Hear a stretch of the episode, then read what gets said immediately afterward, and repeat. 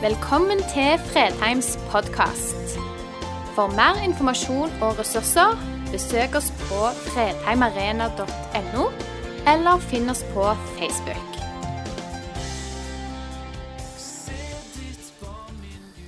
Det er alltid ekstra kjekt når du forbereder en preken, at eh, det liksom er andre medier eller andre steder det omtales, det som du skal tale om.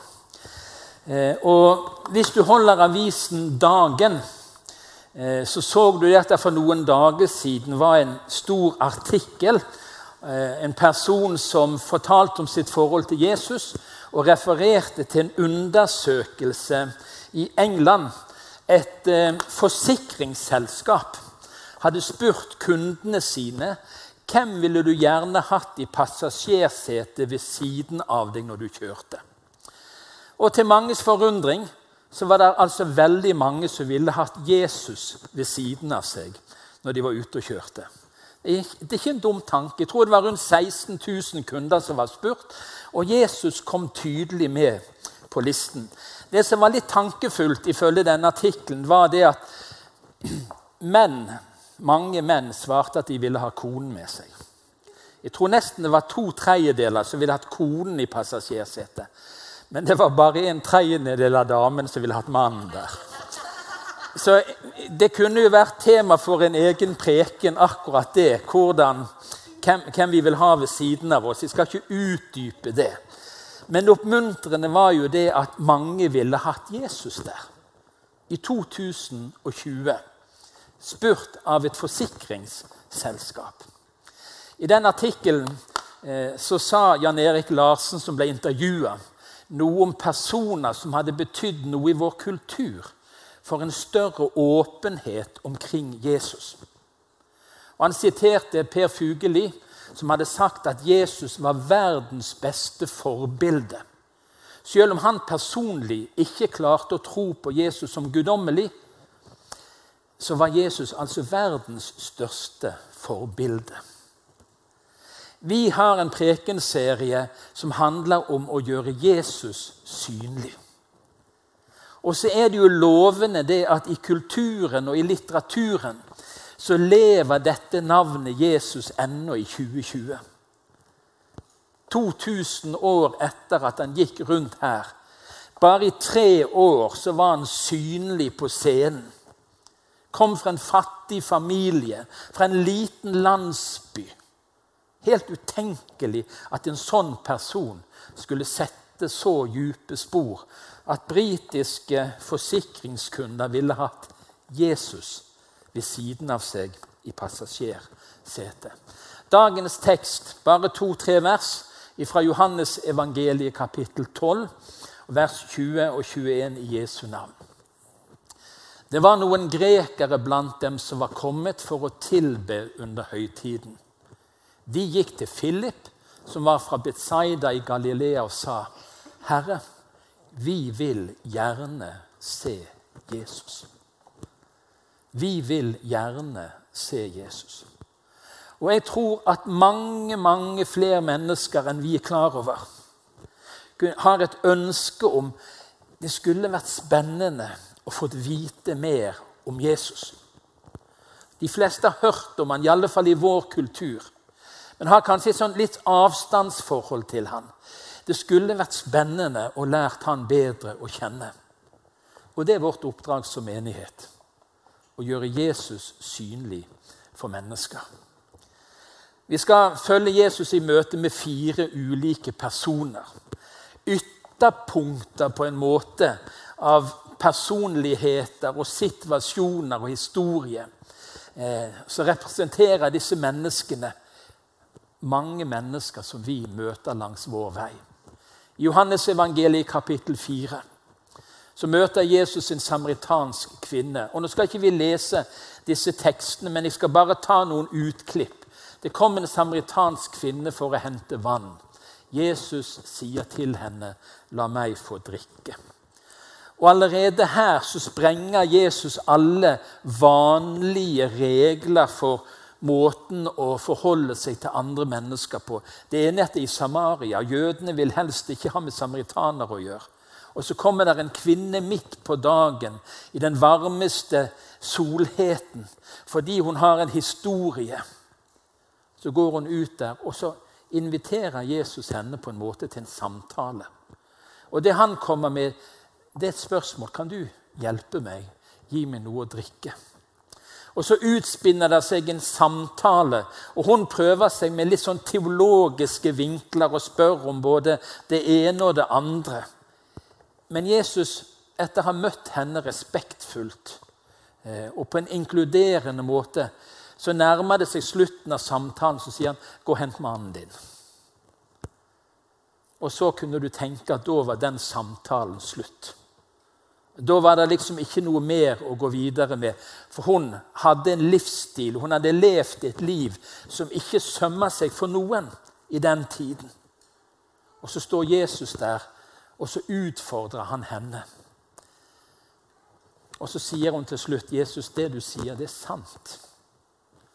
Gjennom en samtale der med brønnkanten en varm dag så blir en kvinne med en ødelagt historie og et ødelagt liv, full av skam i møte med bygden og byen der hun vokste opp og der hun bodde, så møter hun en som klarer å se henne, som konfronterer henne, men på en sånn måte at det skjer noe nytt i hennes liv. Og Hvis du har notater med deg, så kan du notere. Hvis ikke, så skal jeg notere for deg. Jesus overrasker. Og Det skal vi se på i flere av disse møtene. Jesus overrasker fullstendig. Han er så annerledes enn folk flest. Han oppfører seg annerledes. Han møter mennesker annerledes. Han som var Guds egen sønn, han går inn i møte med mennesker med kjærlige øyne, med et åpent blikk, med ører som hører. Og så er han tydelig, og så er han sann. Det er ikke sånn at han bare klapper folk på ryggen. Liksom bare stryker de medhårs. 'Gå og hent mannen din', sa han til henne. Han er tydelig. Han er sann. Men fordi hun tok dette til seg, så skjedde det en dramatisk forandring i denne kvinnen sitt liv. Hun fikk et nytt liv. Og så springer hun inn i byen og forteller folk om en mann som har sagt alt det hun har gjort. Det var ikke mye å skryte av. Men i møte med Jesus så blir hun forandra, så blir det vekkelse i denne byen. I Lukas 18 så kommer det en helt annen type. En ung mann kommer til Jesus. Og Han har et direkte spørsmål, fantastisk lovende. 'Mester, hva godt skal jeg gjøre for å få evig liv?'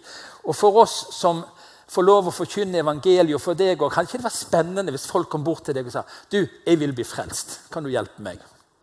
Hvordan i alle dager får jeg evig liv? Og i en parentes Hadde du visst hva du skulle ha sagt da? Hadde du vært klar? Ja, hjelp, jeg må ringe pastoren, eller jeg må ringe en leder, eller jeg må ringe Er du klar? For ennå er det mennesker som bærer det spørsmålet i seg. Hva skal jeg gjøre for å få evig liv?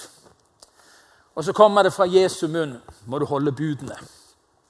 Det var et eller annet Jesus merkte seg med denne mannen. Ja, men Så sier han ja, men det har jeg jo holdt fra jeg var ung av. Jeg har jo virkelig fått det til. Så egentlig spør han hva mer skal jeg gjøre? Jeg har jo holdt budene, jeg har levd et pent og pyntelig liv. Det var mer enn fasaden som var i orden. Altså, Det var virkelig mye å bygge på i hans liv. Hold budene, sa Jesus. Så var det bare det at han hadde noen utfordringer i sitt liv. Og Så sier Jesus et stykke ut i samtalen selv det du eier, og gi det til de fattige. Og Da begynner det å skrus til for denne unge mannen. Så står det, Men da den unge mannen hørte det, gikk han bedrøvet bort, for han eide mye. Hvorfor trengte Jesus å si det? Altså, Hadde du sagt det hvis du møtte en av de mest velstående? Ja, du må først selge alt det du eier, og gi det til det fattige så kan du komme og følge Jesus. Hva i alle dager er det som gjør at Jesus våger å utfordre? Og Det er fordi Jesus vet mer og kjenner oss djupere enn det vi kjenner oss sjøl. Han visste det at denne personen ville bare ha litt hjelp til å klare seg sjøl. til å ordne med sin egen frelse. Det var bare det at det var noe som mangla. Igjen så overraska Jesus, og så utfordra han så dramatisk. Han kompromisser ikke. Jeg vet knapt altså Hvis det hadde kommet en til meg du Landro, jeg vil bli frelst. Eh, ja, takk og lov, hadde jeg sagt, så hadde vi gått i gang med å be med en gang. Men hva var det med Jesus som gjorde at han rett og slett sa det Vi kan ikke gå på kompromiss. Jesus vil ikke ha etterfølgere som bare trenger han til det lille ekstra.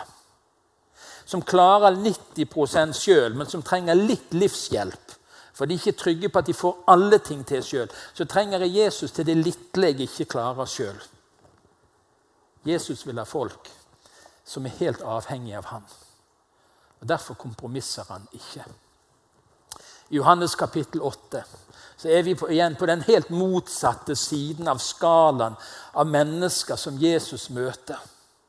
Situasjonen er totalt annerledes enn den unge, rike, velstående, flotte mannen. Da kom de skriftlærde og fariseerne med en kvinne som var grepet i ekteskapsbrudd. Tatt på fersken. Etter loven skulle hun steines. Etter tradisjonen skulle hun steines. Sånn gjør vi bare ikke. Og så ser Jesus disse her skriftlærde og de åndelige lederne inn i øynene, og så sier han den av dere som er uten synd, kan kaste den første steinen. Jeg lurer på hvordan denne kvinnen tenkte. Hun visste hva hun hadde gjort. Og her står de religiøse lederne med sin fromme, fine fasade. Og så kommer ikke Jesus og anklager henne først og fremst. Nei, han snur blikket på hennes dommere. Og så sier han det. OK, folkens, dere som er uten synd, kan kaste den første steinen. Jeg tror vi trenger å høre det, noen hver av oss. Hvis vi speiler vårt eget liv, alt det vi har sagt, alt det vi har gjort, alt det vi har tenkt. Og ikke minst alt det gode vi visste vi skulle gjøre, som ikke vi har gjort. Hva har vi å skryte av, folkens? Hva har du å rose deg av? I møte med mennesker som tilsynelatende har gjort ting som er verre i menneskers øyne. Heller ikke jeg fordømmer deg. For noen forløsende ord å høre. Der sitter Mesteren. Der sitter Jesus. Han hadde skrevet litt i, i sanden der i møte med disse menneskene. Og så skjer det noe. Så skjer det en forløsning. Hun får en bekreftelse på sin verdi. På tross av sin fortid, på tross av sin synd, så er det en som elsker henne, og som ser henne kanskje for første gang, og som ikke fordømmer. Så kommer det likevel. Gå bort og synd ikke mer fra nå av. Du er tilgitt. Men nå kommer det et nytt liv. Ikke fortsett i det sporet hvor du ødelegger deg sjøl. Begynn et nytt liv. Jeg syns det er spennende i denne teksten hvordan Jesus utfordrer de religiøse. Og jeg lurer på om ikke det er oss. Hvis vi liksom skal plassere oss, hvem ligner vi mest på av de som var med Jesus den dagen?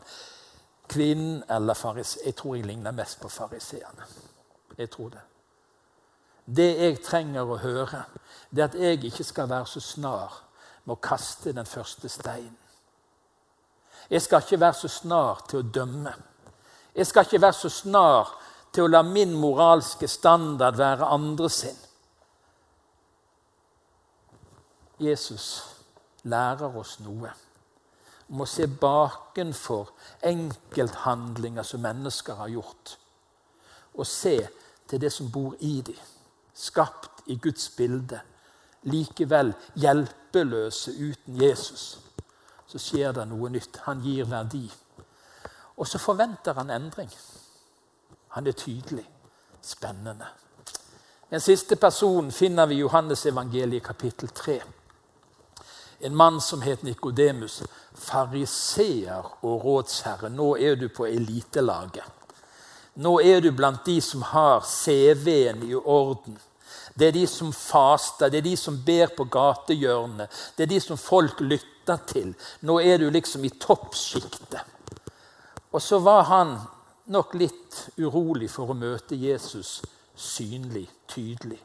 Fordi fariseerne og rådsherrene var ikke helt på lag med Jesus. Han var en oppvigler.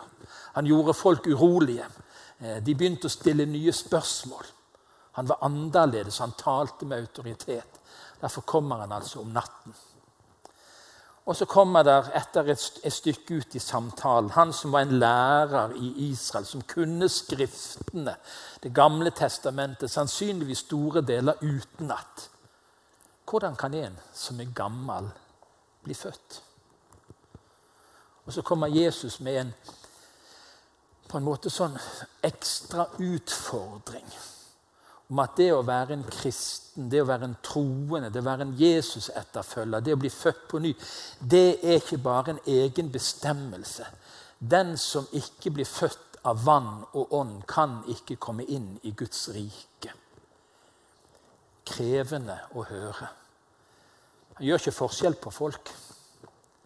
Han forklarer tydelig til Nikodemus tro er mye mer enn å mene noen ting. Tro handler om å, å bli frelst eller gå fortapt. Og Det må en omvendelse til Gud må gripe inn i mennesker sitt liv. Jeg vet ikke hva bildet du har av Jesus. Jeg husker en sånn gammel bedusang som vi sang før. 'Han er mild og saktmodig', sang vi om Jesus. Milde Jesus, du som sagde at til deg skal barna gå. Altså, Vi har fått et bilde malt av Jesus som ikke er helt dekkende for Det nye testamentet og evangelietekstene sitt bilde av Jesus. Og Nå tok jeg ikke med når han rensa tempelplassen. Det er en av mine favorittekster.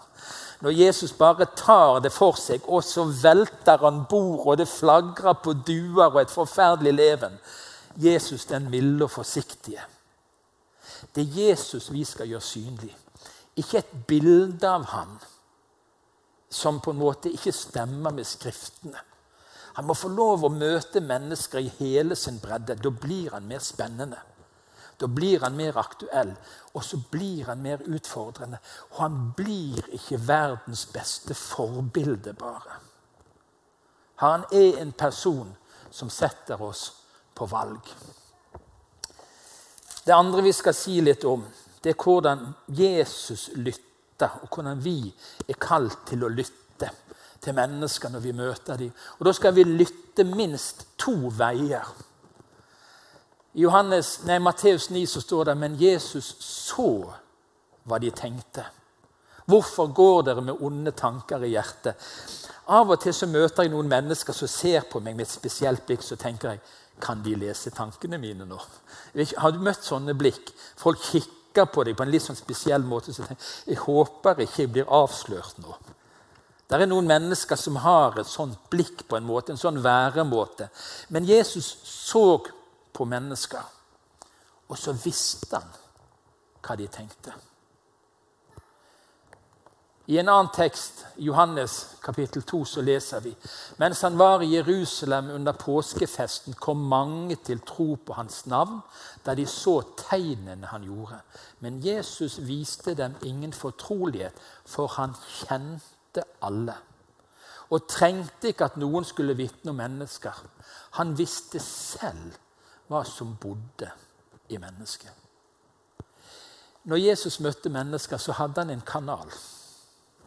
Han lytta på en spesiell måte. Han så på mennesker på en spesiell måte. Han hadde på en måte direkte adgang til Faderen, som har skapt alle, og kjenner alle og vet alt om alle. Hans øyne ser oss, kjenner oss. Hans ører hører hva vi tenker og vet hva vi føler. Jesus visste hva som bodde i mennesket. Og så er det godt å vite at Gud kjenner alle de menneskene vi møter. Og Derfor blir vi kalt til å lytte til Gud når vi møter mennesker. Å lytte til mennesket på en god, inkluderende, åpen måte. Vi må lytte toveis samtidig.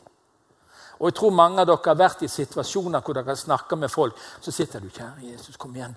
Altså, du lytter til mennesket, men du, du, du trenger hjelp. Hva skal jeg si? Hva skal jeg gjøre? Og Det er fantastisk når Gud av og til gir oss noen minnelser. Du kommer på en ting som du ikke forstår hvorfor du kom på det, og så treffer det det mennesket på en helt spesiell måte. Det var et ord, det var en hilsen, det var en utfordring som akkurat de menneskene trengte. Og du visste ikke det, men Gud visste det. Så ga han deg en minnelse i møte med mennesker. En nydelig liten tekst skal vi bare ta for å vise litt dette i Apostels gjerninger kapittel 8. En engel fra Herren talte til Philip og sa, 'Gjør deg klar og dra sørover.' Da sa ånden til Philip, 'Gå bort til vognen og hold deg tett opp til den.' Og da han hørte at han leste fra profeten Jesaja, spurte han, 'Forstår du det du leser?' Ser du den nydelige bevegelsen? Gud minner Philip på å møte et menneske. Philip er i en situasjon hvor han lytter oppover. Han lytter til sin himmelske far. Han lytter til Den hellige ånd som bor i han. Og så får han høre noe. Og det er jo ganske spennende. Du skal dra sørover. Sikkert mange her hadde hatt lyst til å høre det nå for tiden. Du skal dra sørover. Men vi har ikke lov å dra sørover nå for tiden. Men helt sånn praktisk Nå, Philip, skal du gå sørover. Gå bort til den vognen. Hold deg tett opp til den. Spennende. Så går han bort til vognen, og så hører han den personen. Nå hører han ikke ånden lenger, eller engelen, men nå hører han den mannen lese fra Jesaja. Om han som ble såra fra våre overtredelser, knust for våre misgjerninger. Straffen lå på ham for at vi skulle fred, få fred, og ved hans sår har vi fått legedom. Og så kommer Philip. Du, Forstår du det du leser? Han forsto jo ingenting. Hvem er det det handler om? Og Så ser du den nydelige bevegelsen i Philip sitt liv. Han lytter til Gud. Han blir leder til et menneske. Han lytter til mennesket. Og så våger han å spørre forstår du det du leser. Og hva hindrer meg fra å bli døpt, sier denne mannen. Og så blir han døpt på veien hjemover fra Jerusalem og tilbake der han skulle. Og Så får han lov å reise videre etter å ha fått møte Jesus. Jesus ble synlig for ham gjennom et menneske som lytta oppover, og som lytta utover, lytta nesten innover til et annet menneske, og møtte han på denne måten. Vi er i møte med mennesker fullstendig avhengige av den ånd Gud har latt bo i oss. Vi sitter ikke med den kunnskapen og den visdommen. Men Derfor er det så godt å vite at vi skal få lov å be. Vi skal få lov å lytte. Og for all del så trenger vi å være interessert i de vi møter, og stille spørsmål før svar. Og Nå skal dere få en liten, helt sann historie. Jeg har gått på tre evangeliseringskurs i min tid. Og jeg må si De begynner å bli lenge siden. I en periode så var det sånne ulike evangeliseringskurs som ble presentert.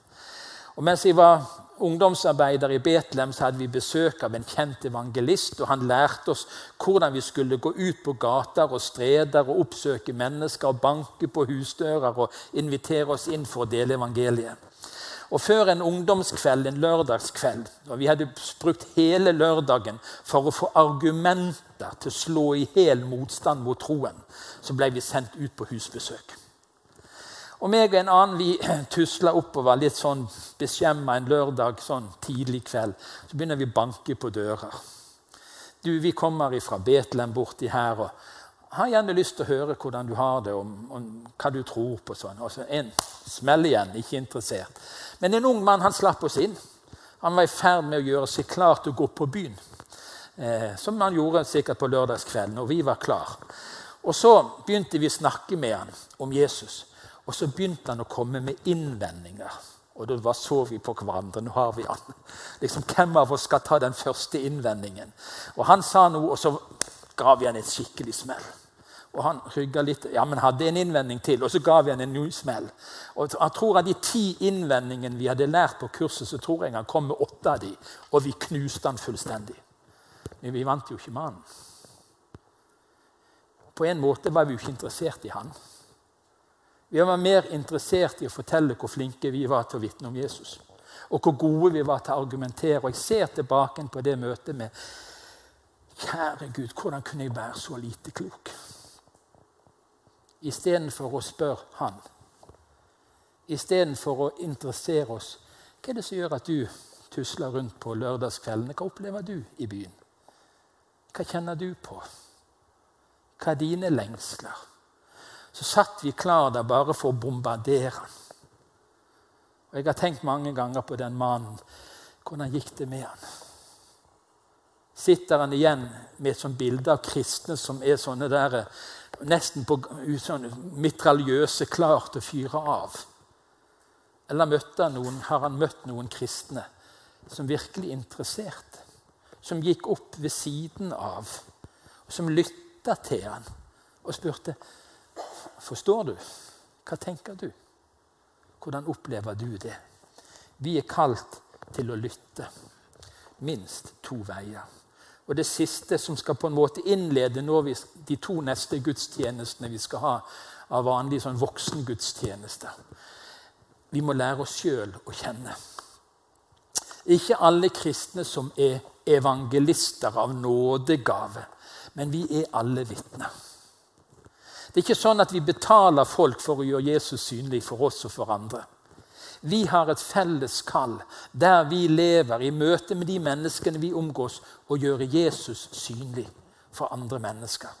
Du trenger ikke være evangelist. Jeg husker jeg har sagt det noen ganger. Jeg er ikke evangelist. Så tenker jeg, da er jeg ferdig med det. Nei, jeg er ikke ferdig med det.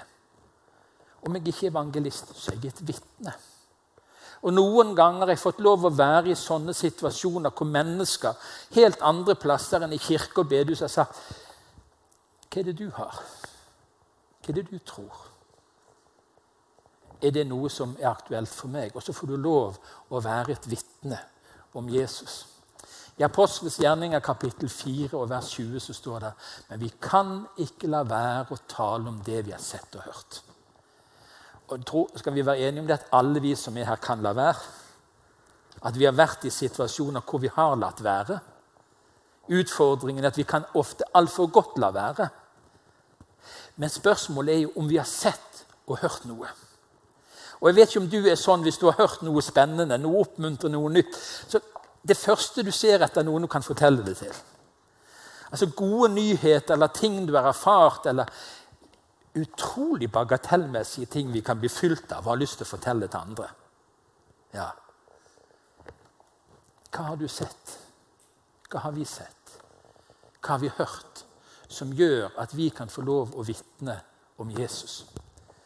Vitner forteller det de har sett, ikke det andre har sett.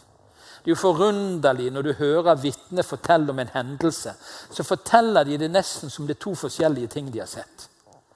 De har sett det fra helt forskjellig synsvinkel. Noen kom fra den siden, og noen kom fra den siden. Det var det samme de så, men de så det fra helt forskjellig synsvinkel. Og Derfor fortalte de det på sin helt personlige måte. Og Det som er spennende, det er at vi, med vår personlighet, med vår historie, med vår troshistorie, kort eller lang, med det vi har sett med det vi har hørt, så har vi en unik forutsetning til å gjøre Jesus synlig for mennesker.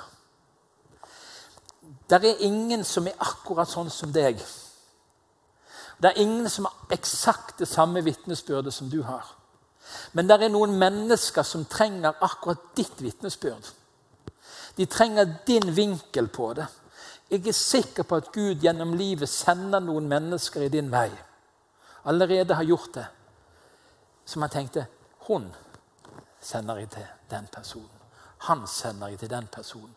Fordi det er noe i ditt liv, i vårt liv, som kan møte det mennesket.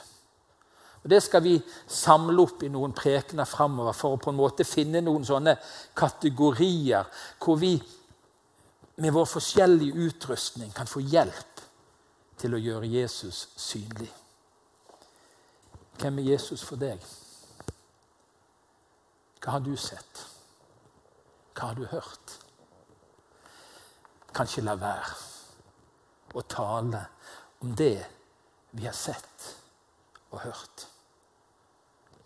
Og der er ingen som Jesus, folkens. Han er mer enn et stort forbilde. Han er så mye mer enn verdens beste forbilde. Han er den eneste veien til Gud. Han er den eneste muligheten vi har til å komme hjem til farshuset. Og det er ikke bare for oss han er det, han er det for alle, skal vi be. Jesus, takk for at du er blitt synlig for oss. På forskjellige måter har du gjort deg synlig for oss. I forskjellige situasjoner i livet, i ulike aldre i våre liv, så har du kommet og gjort deg synlig for oss. Og for noen ble det vi så, så overbevisende at vi sa vi må følge deg. Vi må følge deg. Det er ikke noe valg. Det er ingen som deg, Jesus. Det er ingen som kan det du kan. Det er ingen som har gjort det du har gjort. Det er ingen som kan være det du er for oss. Og Herre, jeg ber for denne flokken denne søndagen på Fredheim. Kunne de få et glimt av det, Jesus, på en sånn måte at vi ikke kan la være å tale, vitne om det vi har sett og hørt. Amen.